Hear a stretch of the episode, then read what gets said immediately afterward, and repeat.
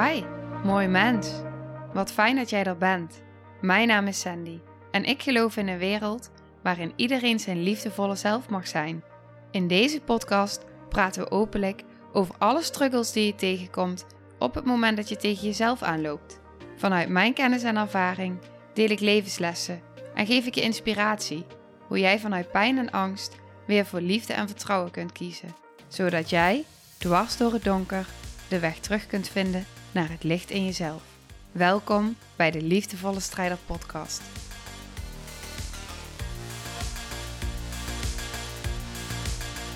Welkom bij de tweede aflevering van de reeks die ik samen met Brian van Leeuwen heb mogen opnemen. En in deze aflevering spreken we over manifesteren, verschillende vormen van manifesteren. En op de dag dat we deze reeks opnamen, ontving ik van Brian zijn boek.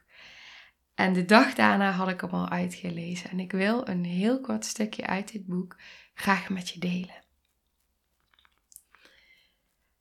Het is allemaal een keuze. Het hele leven is een keuze. Een speelveld van keuzes. Wel of niet, dit of dat, ja of nee. Zodra je dit doorhebt, dan breken de ketenen. Je bent niet langer geketend als een slaaf van het leven, een slaaf van de maatschappij. Je bent vrij, vrij in zijn, vrij in keuzes, waarbij alles oké is. Alles mag er zijn. Uitbreken uit de illusie van vrijheid, los van het moeten, los van de controle, de macht, de onderdrukking. Al het gal mag eruit. Het beest mag losgelaten worden. Al het doorslikken en aan mijn eigen waarde voorbij gaan mag eruit. Het dient niet meer. Vrij zijn in zijn. Het draait alleen maar om zijn en alles is nu. Ja, fantastisch. ik vond het zo mooi en ik dacht, dit wil ik met je delen. Het boek is echt zo'n aanrader. Dus bij deze indrukwekkend verhaal. En nu gaan we door naar de aflevering. Hey, hallo. Welkom bij weer een nieuwe aflevering van de reeks die ik samen opneem met Brian. Hmm. Ja, Ja, fijn om weer te zijn. ja welkom. Vervolg op de vorige aflevering. Wij gaan gewoon lekker door. Fijn dat je hier nog steeds bent. Ja, geen seconde of geen meter bewogen. Ja, en we hadden het in de vorige aflevering al eh, benoemd op het einde dat we het gingen hebben over manifestatie. Yes. En ik zei net ook al even kort tegen Brian dat ik, ehm, ja, dat ik weet dat toen ik me ging verdiepen in de wet van de aantrekking, dat ik me op een gegeven moment een beetje verwacht raakte over dat er heel erg werd geleerd dat je met je mind, geloof ik trouwens ook oprecht hoor, dat je met je mind heel veel kan shiften. Maar dat ik ook voelde van ja, maar wat daar dan onder zit aan trauma, wat dus in je lichaam zit opgeslagen, waar je vanuit je mind nog helemaal geen Mhm. weet van hebt of bij kan. Hoe zit dat dan? Ja, en hoe ga je dat dan aanpakken? En dat was een beetje mijn eh, zoektocht. Ja, een mooie zoektocht. Ja, Als het over manifesteren dan kunnen we het misschien beter een vindtocht noemen. Anders blijf je zoeken. Ja, ja precies. Ja. Ja. Een vindtocht. Ja, de kracht van woorden is ook zo, Ja. zo mooi. Er zit zoveel zuiverheid en puurheid in. Ik was vorige week in een boeddhistisch centrum. En toen was het thema om over sterfte te praten. En ik werd die ochtend wakker met het woord overlijden. Ik denk, wat overlijden, wat zegt dat? Nou, het klinkt erg dat iemand komt te overlijden. Maar eigenlijk is het heel mooi. Want wat het zegt is, je gaat over het lijden heen. Het Mm. lijden is over. En wat, is er, wat komt er als je over het lijden heen gaat? Dan komt er bevrijding. Wauw. Ja, alleen dat zoiets, als- dat is zo mooi. Dat wilde ik even delen. Ja, die vind ik heel mooi. Ja, Ja. dat is denk ik ook met manifesteren. We gebruiken soms woorden, terwijl we niet de betekenis en de kracht van woorden weten. Ja. Zeg maar, zoveel mensen zeggen ik ben, ik ben dit, ik ben dat, ik ben zus, ik ben zo. Maar dan identificeer je daar direct mee. Door mijn boek eh, kom ik ook veel mensen tegen die te maken met verslaving hebben. En die leren dan, ik ben verslaafd Mhm. en ik zal altijd verslaafd blijven. nou, de vorige podcast heb ik al laten weten wat ik van medicijnen vind. Nou, maar dit vind ik ook echt niet. Het kan niet, want je programmeert iemand om altijd verslaafd te blijven. Ja. De woorden ik ben, dat is, is de hele fundering opgebouwd. Alles wat je achter ik ben zegt, dat manifesteer je. In zekere of mindere vorm. Dus je kan beter nog zeggen ik ben hedende. Weet je, dan zeg je ook nog steeds wel ik, dat je altijd hedende blijft. Maar nog beter is dan te zeggen ik ben heel. En dat steeds meer te gaan geloven. En wat jij net al even zei dan, wat daar dan onder zit, dat schaduwwerk, die donkerte. Ja, als je op een gegeven moment jezelf gaat vertellen ik ben heel, ik ben heel, ik ben heel. Dan Ik kom ben je, liefde. ja. Ja. dan kom je ook tegen wat daartussen zit om dat te realiseren. Ja. Mooi voorbeeld ook. Ik weet niet, jij kent vast wel het boek The Secret. Mhm. Super Amerikaans. Dat was mijn. ja. ik kreeg dat boek van een, eh, van een dame voorgeschoten. Dat was misschien denk ik al in 2016 of 2017. En ik las dat boek. En ik dacht, zo, hey, dat ga ik eens even doen. Altijd- want- dus zo, dat ga ik doen. Ik ga geld manifesteren. Een auto. Een auto, ik ga reizen. Een ik- huis. Ja, alles ga ik gewoon doen. Ondertussen werd ik alleen maar meer verslaafd. Dus het is wel grappig hoe dat dan werkt. Maar En dan Het lukt boek- het niet, dus dan word je gefrustreerd dat ja, je denkt, waarom, ga, waarom werkt het dan niet? Ik doe Ja. dan toch precies wat dat boek me vertelt, hoe ik moet manifesteren. En ja, weet je, als het jouw doel is om die rijke of die, dat grote huis te hebben, die auto, en je, wil, je hebt echt vanuit je ziel daarvoor gekozen om dat het leven te ervaren, dan gaat het je ook lukken. Maar als jij een hele andere zielenintenties hebt, dan, dan krijg je hele ja, weet je, dan kun je op die auto gaan manifesteren. Maar als jij eh, geboren bent om een voetbalster te worden en je gaat schaatsen, dan, gaat het, dan gaat het ook niet worden. Dan, Precies. dan moet je gewoon gaan voetballen. Dan moet je niet gaan schaatsen. En zie je denk ik ook wel, dat heel veel mensen die maken zichzelf dan wijs dat ze in de corporate moeten gaan werken en van 9 tot 5 en advocaat moeten worden. Maar van binnen zit misschien weer een jongetje of een meisje dat gewoon de wereld in wil.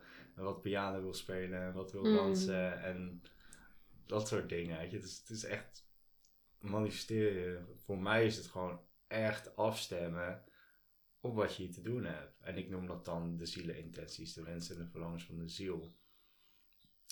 Maar dat betekent ook niet dat je niet het schaduwwerk, het transformatiewerk hebt te doen, want dat hoort erbij. Want als jij, kijk, mijn doel is inspireren en in mijn grootheid stappen en dat in de wereld gaan brengen.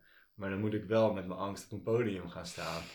ja, weet je hoe eng dat is de eerste keer? Nog steeds voel ik spanning als dat er naartoe gaat. Maar ik doe het wel, omdat ik weet dat het Ja. onderdeel ervan is. En dat is ook het transformatiewerk wat je daarin aangaat. Ja, het is echt het innerlijke werk doen. Juist, ik weet dat ik laatst werd ik voor het eerst eens gevraagd als spreker. Hmm. En ik voelde dus meteen dat, het, dat mijn eerste gedachte was toch van... Oh jeetje, dit vind ik dood en ik vind het zo spannend. Je stond gewoon op die brandstapel. Ja, precies dat. En, en ondertussen voelde ik meteen dat alles in mijn lichaam en mijn ziel gewoon ja zei. Dit Ja. is het, ja. Dus ik vind het doodeng en dus ga ik het doen. Ja, Ja. Het is ook echt zo spannend. Maar op het moment dat je inderdaad dat innerlijke werk gaat doen, ga je ook steeds meer die, die stem leren herkennen tussen wat is inderdaad het verlangen vanuit mijn hart, vanuit mijn ziel. En, en wat wil ik vanuit mijn mind? ja zeker. Wat heb ik bedacht? Natuurlijk vanuit het ego, inderdaad. Ja. Precies. En ook hoe meer je durft los te laten en meebeweegt op die stroom van het leven, op die flow. Ja, ik zit het uit te beelden, maar Ja. dan kom je zo in beweging. Ja, dat het ook zo naar je toe komt en dan voel je het meteen. ja, dat is echt zo. Ja. En het is ook spannend om je nou aan over te geven. Want met die mind kan je bepaalde verwachtingen hebben. En ja, als je verwachtingen hebt, dan kan je daar misschien alweer aan hechten. En als dat dan niet gebeurt, nou, dan voel je je weer kut en zwaar en ellende. En dan denk je inderdaad wat je net zegt, shit, waarom werkt het niet? Maar als je dat durft los te laten en je durft je over te geven aan die zielenintenties, die zijn vaak nog veel groter dan we met de mind kunnen bedenken. Mhm.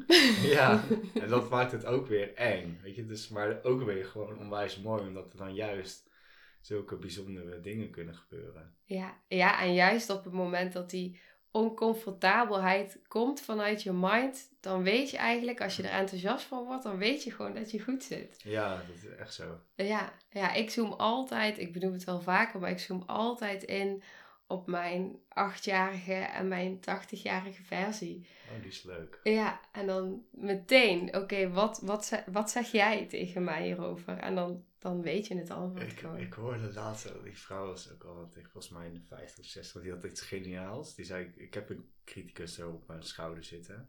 En ik was naar een workshop gegaan. Oh, wat ik dit verhaal ook vertel. Kom maar door. en ik moest echt zo lachen. Het was in een stiltegetreat, vertelde ze dat. Daarna was het natuurlijk niet meer stil. En ze zei, ik ben naar een workshop gegaan. En de naam van die workshop was So You Think You Can Kabouter. Ik dacht, wat zeg je? Oké. Maar die ging dus verbinden met een kabouter Ja. om degene die altijd kritiek had, een ander woord te laten hebben. Terwijl die, degene met de kritiek zegt, dat moet je niet doen. En zegt die kabouter, ja leuk, lekker dansen, ga dit doen. precies. Dus die zat op een gegeven moment het gesprek te voelen met die criticus en die En die kabouter. kabouter. Ja. Maar ik dacht, dit is zo geniaal, want het werkt wel. Ja, het, maar het maakt ook meteen het leven lichter op zo'n moment. Ja. Want die criticus is vaak zo Ja. prachtig. Ja, Ja, en je dan zo'n kabouter aan de andere kant hebt met zo'n rode puntmuts, ja, is fantastisch. Ik dacht, ik ga hem ook inhuren. ja. Er kwam ook gelijk een vraag van, kan ik die ook lenen? Zeg maar van jou. ja, maar die naam ook van die workshop van So You Think You Can Kabouter. Ik heb hem nog niet gegoogeld, maar misschien moet ik dat gewoon eens doen. ja, fantastisch. Ja, leuke manier ook van manifesteren is dat. Ja, Ja. ja. Ja, het, het maakt het zoveel luchtiger. Mhm. Ja. Want hoe ga jij om met je wensen en verlangens? Hoe... Kijk, hoe is natuurlijk alweer een hoofdvraag, maar ja, precies. Ja, hoe ga ik daarmee om? Nou, ik maak sowieso, zoals je ziet, maak ik Ja. altijd aan het begin van het jaar wel een vision board. Om gewoon in te tunen. En wat ik dus heb ervaren, ik weet dat ik bijvoorbeeld tijdens mijn zwangerschap, dat ik heel erg heel bewust ben gaan proberen te manifesteren. Proberen is ook weer zo'n woord. Maar Mhm. dat ik heel bewust daarmee bezig ben gegaan. Waarom is dat een woord? Nou ja, eigenlijk op het moment dat je dus proberen zegt, dan zeg je dus al. eh, eh, voordat je begint, zijn er eigenlijk al beren op de weg. Als je hem uit Ja, elkaar trekt. Dus pro en beer. Ja, nou, dat. Twijfels. Precies. En ik wilde dus heel graag op een bepaalde manier. gunde ik mijn zoontje een bepaalde bevalling. En ik had er allemaal ideeën en beelden bij. Maar je hoort het al, ik was dus totaal niet onthecht. En blijkbaar had dus het leven, mijn ziel, zijn ziel en mijn traumastuk hadden daar een andere bedoeling in. En dat was voor mij ook wel echt het proces dat ik dus nog meer heb mogen ervaren en mogen voelen in mezelf.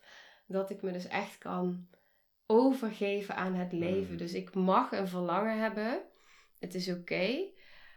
En tegelijkertijd voel ik juist van het vertrouwen en de overgave dat het dus altijd op de manier loopt die het beste is voor Mhm. mij. En dus in dit geval mijn zoon. Omdat wij daar ook weer onze lessen uit te halen hebben. Dat heeft voor mij gezorgd voor nog meer overgave. Dus in het begin was ik heel erg bezig met manifesteren vanuit mijn mind. En nu manifesteer ik meer van oké, ik heb een, iets wat ik graag verlang. Mhm. En ik laat het leven en mijn ziel eigenlijk bepalen of het de bedoeling is. Ja, mooi. Ja. Top. En dan beweegt het de kant op die het op mag bewegen. Ja, en hoe beweeg je daar dan in mee?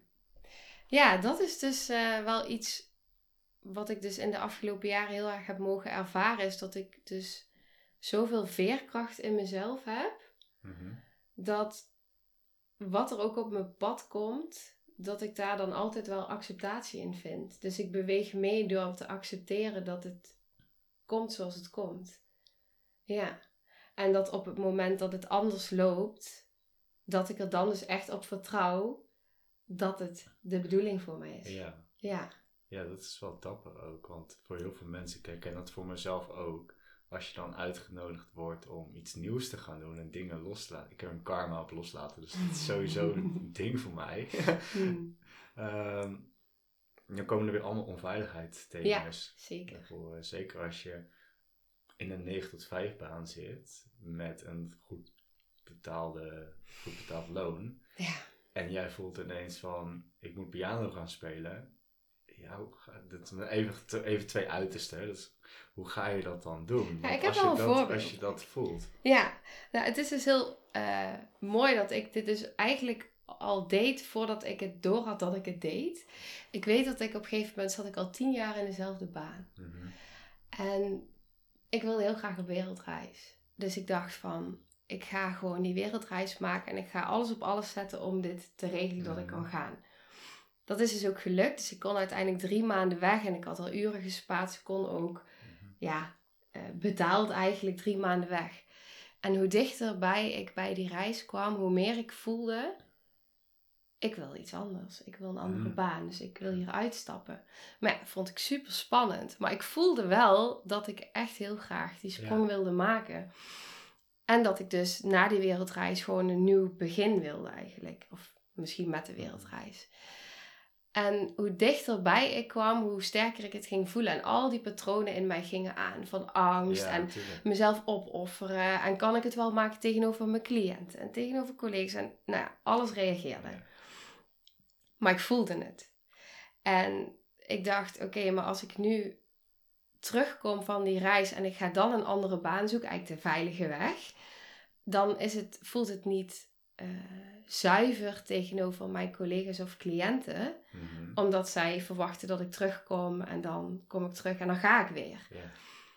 Dus om trouw te zijn aan ook hun, maar ook aan wat ik voelde van binnen, dacht ik, ik wil gewoon nu die beweging maken. Dus ik nam ontslag. Nou, dat was echt een stap. En wat ik dus ervaarde, was dus dat ik tijdens die reis eh, een aanvraag kreeg voor een baan. En dat ik dus ineens voelde van, hé, hey, ik moet even mijn mail checken. En dat ik heel kort ergens een motivatie instuurde van, nou, ik heb even hier mijn cv, maar ik kan geen brief schrijven. En op het moment dat ik dus eh, eigenlijk terugging naar huis, had ik de dag daarna twee gesprekken en kon ik kiezen waar ik wilde gaan werken. Ja. En dat was echt zo'n voorbeeld. Dat op het moment dat je dus echt je gevoel volgt, ja, dat het gewoon naar je toe komt. Ja. En toen dacht ik, oké. En toen ik dus daarna leerde over de wet van de aantrekking, toen besefte ik dus van, oké, ik heb dit daar dus echt gedaan. Ja, want dat, die heb je sowieso altijd mee te maken. Hè? Het ge- Het gebeurt ook gewoon onbewust. Ja, Ik heb ook wel zo'n voorbeeld. Ik werd op een gegeven moment ontslagen. Mijn contract werd niet verlengd. En ik voelde zoveel blijdschap. oh ja, dat precies. ik dacht, oh, ik voel me zo vrij. En een dag daarna kreeg ik een uitnodiging van iemand. En ik zat toen nog in de marketing. Maar direct om voor haar te gaan werken als freelancer. Dus ineens was ik van de een op de andere dag was ik ZZP'er. Ja, En ja, dat ben ik op. De, ja, ik vind mezelf geen ZZP'er, maar ik ben wel gewoon gaan ondernemen en vrij gaan worden en mijn eigen uren gaan pa- bepalen. Dus waar ik eigenlijk werd ontslagen en waar je dan zo denkt, ja shit, hoe ga ik dan rondkomen? Stond er gewoon direct al iets moois ja, dat. te wachten, ja. Ja, Ja, Ja. en ik trok net de kaart ook van. Hm. Het is heel passend ook, maar waar ik nu zelf op zit. Kijk, ik draai niet om de persoon die ik wil zijn heen. Ik stap er volui- voluit en volledig in. En ik zit de afgelopen drie maanden dus echt al te voelen van ik moet echt gaan stoppen. Ik zeg ook moet al, dus dat zegt al, zegt al voldoende, denk. denk. nee, het zegt gewoon voldoende. Leuk hoe dat hoofd dan weer gaat maken. Gaat ja, denk misschien. Nee, het is zo. Ik word gewoon uitgenodigd zelf om daarmee te gaan stoppen en grotere dingen te gaan doen. Maar die mind die kan dan denken, ja, maar Hmm. geld en ik, kan ik dan die cliënten dan, wat moet ik daar dan mee? Ik schrijf net een boek en er komen allemaal jongeren op mijn pad die geholpen willen worden. Moet ik die dan niet allemaal één op één gaan helpen? Dat soort dingen komen er allemaal. Want ik, oh, Alle dit- delen gaan met elkaar eigenlijk in, Ja, in strijd Precies, van terwijl je van binnen gewoon weet, ja, ik heb het gewoon te doen. Ik ga Je gewoon- voelt het. Ja, ik ga gewoon andere dingen doen en daar gewoon weer volledig op kunnen vertrouwen. Ja. En dat is echt gewoon, ik denk dat dat telkens gewoon weer een nieuw proces is als je dit doet. Het is niet zo wanneer je gaat manifesteren dat alles makkelijk gaat. Het, gaat het zit wel een, een flow in. Je volgt de stroming en dat maakt het moeitelozer. Maar in die moeiteloze reis kom je nog steeds die shit tegen. ja, juist. Ja, Ja, ik weet dat ik op een gegeven moment dus ehm, een, een ongeluk dus kreeg en dat ik in de ziektewet terecht kwam. En dat ik niet meer in staat was om terug te gaan, maar dat ik ook steeds meer bij mezelf ging voelen. Het is ook niet de bedoeling dat ik terug ga. oh ja. Ja, dus ik mag echt een andere, andere weg in. En dat gaf uiteindelijk ook heel veel ruimte om te gaan ontdekken. En dan ligt ineens alles open. Maar wat Ja, wil ik nu echt? En wat past nu echt bij mij? En dan, ik weet niet of jij het herkent, maar ik merk dus ook dat ik nou echt in zo'n transformatie zit, dat er zo'n bal aan... weer te bewegen. Ja, ik begin weer te bewegen. Alsof er zo'n bal aan het rollen is en alles aan alle kanten gewoon... Die bal gaat steeds sneller sneller sneller. Ja, ja. Het fysieke lichaam erachteraan, want die kan er niet bijhouden. ja, dan trek je af die spirit, die, terug. die spirit die staat al echt op het hoogste puntje van de Oh wereld. god, ja. Maar dat is ook met die één op één sessies. Dat ik denk, oh ja, daar ben ik nou net, ja, net een tijdje mee bezig. En ik voel nu al, het gaat richting retreats. Het gaat richting Ja. groepen. En, ja, Het is ook wel weer mooi. Het nodig je dus ook wel weer uit. Want ik ben zelf aan het, aan het analyseren en over nadenken van oké, hoe kan ik dan wel zeg maar cliënten opvangen? Want niet iedereen wil een retreat doen, een workshop. Dus dan is het ook wel weer fijn dat je het door kan verwijzen naar mensen. En dan ben je ineens Ja. aan het nadenken van hé, hey, hoe zou het zijn om een soort van opleiding te creëren of mensen in niet, ik vind in dienst nemen vind ik ook zo verschrikkelijk, want ze zijn niet in dienst. Nou, eigenlijk misschien wel. ja of samen Ja, te in creëren. dienst van het universum. Ik, Ja. hem zo kan zeggen, is die wel weer mooi. Maar dat je dan wel weer een netwerk kan oprichten met mensen die dat werk ook kunnen doen, zodat je samen, ja, samen. Ja, ja, ja, samen. Precies dat. En je manifesteert in principe echt gewoon altijd. Dat is zo goed om te beseffen. Want ook als je het niet wil, jarenlang probeerde ik, probeerde, dat zeg ik niet meer, probeerde ik liefde te manifesteren. Oh ja. maar niet op de goede manier. Ik Hmm. ging het zoeken in drank en drugs. En ik weet nog, als ik erop terugkijk, is het zo helder. Ik had mijn eerste pilletje op Decibel Outdoor. Ik was echt van de hardstyle. En daarvoor had ik een keer coke gebruikt. één keer, maar ik schaamde me kapot over. Dus ik dacht, nou, dat ga ik niet meer doen. Ik ga geen harddrugs en dat soort dingen allemaal doen. Ehm, maar op dat festival was dat pilletje toch wel heel verleidelijk. En ik zag allemaal blije mensen. En ik nam die pil. En waar ik normaal gesproken onzeker, alleen was, eenzaam. En met alcohol werd ik ook nog eens een klootzak af en toe. eh, super jaloers. Daar met een pil. Had ik dat ineens niet. Was ik ineens open, liefdevol. Kon ik met iedereen verbinden. En als ik daarop terugkijk, denk ik, shit, ik heb dus gewoon onbewust wel een, een schijnsoort van liefde voor mezelf gecreëerd. Gebaseerd op angst maar ergens die verbinding gemaakt in mijn hersenen van oké, dit gaat mij dus liefde geven. En daar dus dan weer helemaal volledig induiken en dat volhouden tot je gewoon jezelf helemaal kwijt bent. Omdat het niet liefde is. Het is gebaseerd op angst. Ja. Ja, dus je kan ook... Afgescheidenheid. En dat is denk ik ook wel eh, misschien leuk om daar een andere reeks dan ook over verder over te praten. Dat dat dan misschien weer te maken heeft met bewustwording. Die opmerkzaamheid en zien eigenlijk wat je, wat je aan het doen bent. Want nu zou het, proces waar ik nu doorheen ben gegaan en trainen van mijn bewustzijn, merk ik mijn patronen veel sneller op. Maar toen wist ik dat niet. Dus dan kan je dus onbewust ook juist erge dingen gaan manifesteren. Ik geloofde altijd dat, het, dat ik niet oud zou worden. Ik, wilde gekker dan gekker worden, want daar zat voor mij vrijheid in. Ja, wat ging ik worden? Gekker dan gekker, maar niet op een positieve manier. Uiteindelijk zorgde dat ervoor dat ik op de EHBO kwam te liggen. Oud ging van GHB, dat ik vrienden ging kwijtraken, dat ik allerlei rare fratsen ging doen, dat ik me als een maloot ging gedragen, omdat dat in mijn hoofd ergens een soort van positief was, dat mensen me dan zouden zien. Dus ik was dat allemaal aan het manifesteren. En tegelijkertijd was ik daarin ook op onbewust niveau, zeg maar, mijn eigen destructie aan het manifesteren, omdat ik daar verbindingen mee had. Ja. En als je daar geen bewustzijn op hebt, dan kan je daar naartoe gaan. Het is ook niet om mensen af te schrikken, zeg maar, maar wel gewoon, weet je, het- we hebben ook allemaal onbewuste programma's lopen, hè, die we dus ook manifesteren. Kijk maar, als jij thema's hebt met je papa, gegarandeerd dat jij een vriend gaat zoeken die op papa lijkt, om die Mhm. thema's uit te werken. Want het zijn ook onbewuste programma's. Systemisch. En ja. jij hebt altijd een man die agressief is, die boos is, die je uitscheldt. Terwijl papa dat waarschijnlijk ook deed.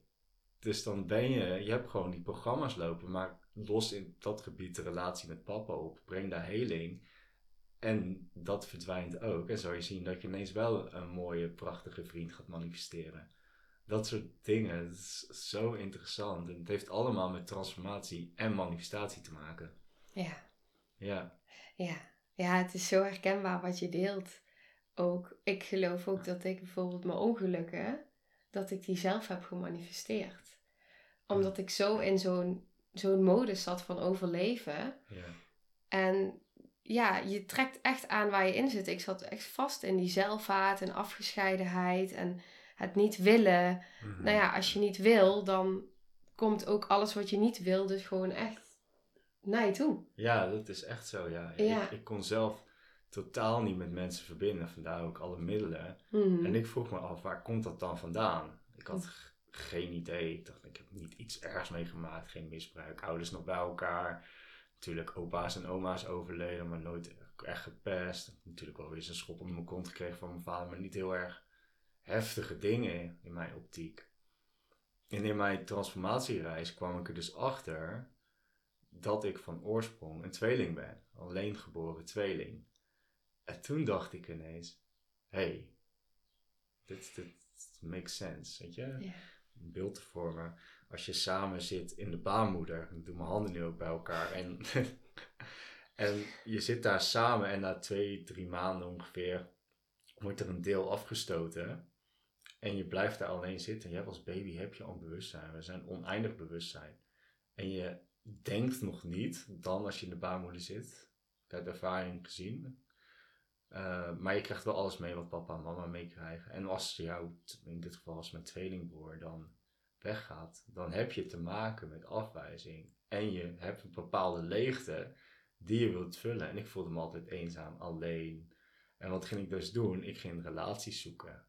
Maar op het moment als ik in een relatie was, gebeurde dit weer zo bij elkaar. En was ik alleen maar bang om die ander kwijt te raken. Verlating. Ja. Verlating. Dus komt er jaloezie, manipulatie. Nou, en als de leegte er dan is, die wil je dan verdoven. Want uiteindelijk brengt die relatie brengt je het ook niet. Want je blijft met die leegte zitten. Dus wat ik daar met het punt ook wat ik mee wil maken, is dat je, ik was onbewust telkens dat allemaal te manifesteren.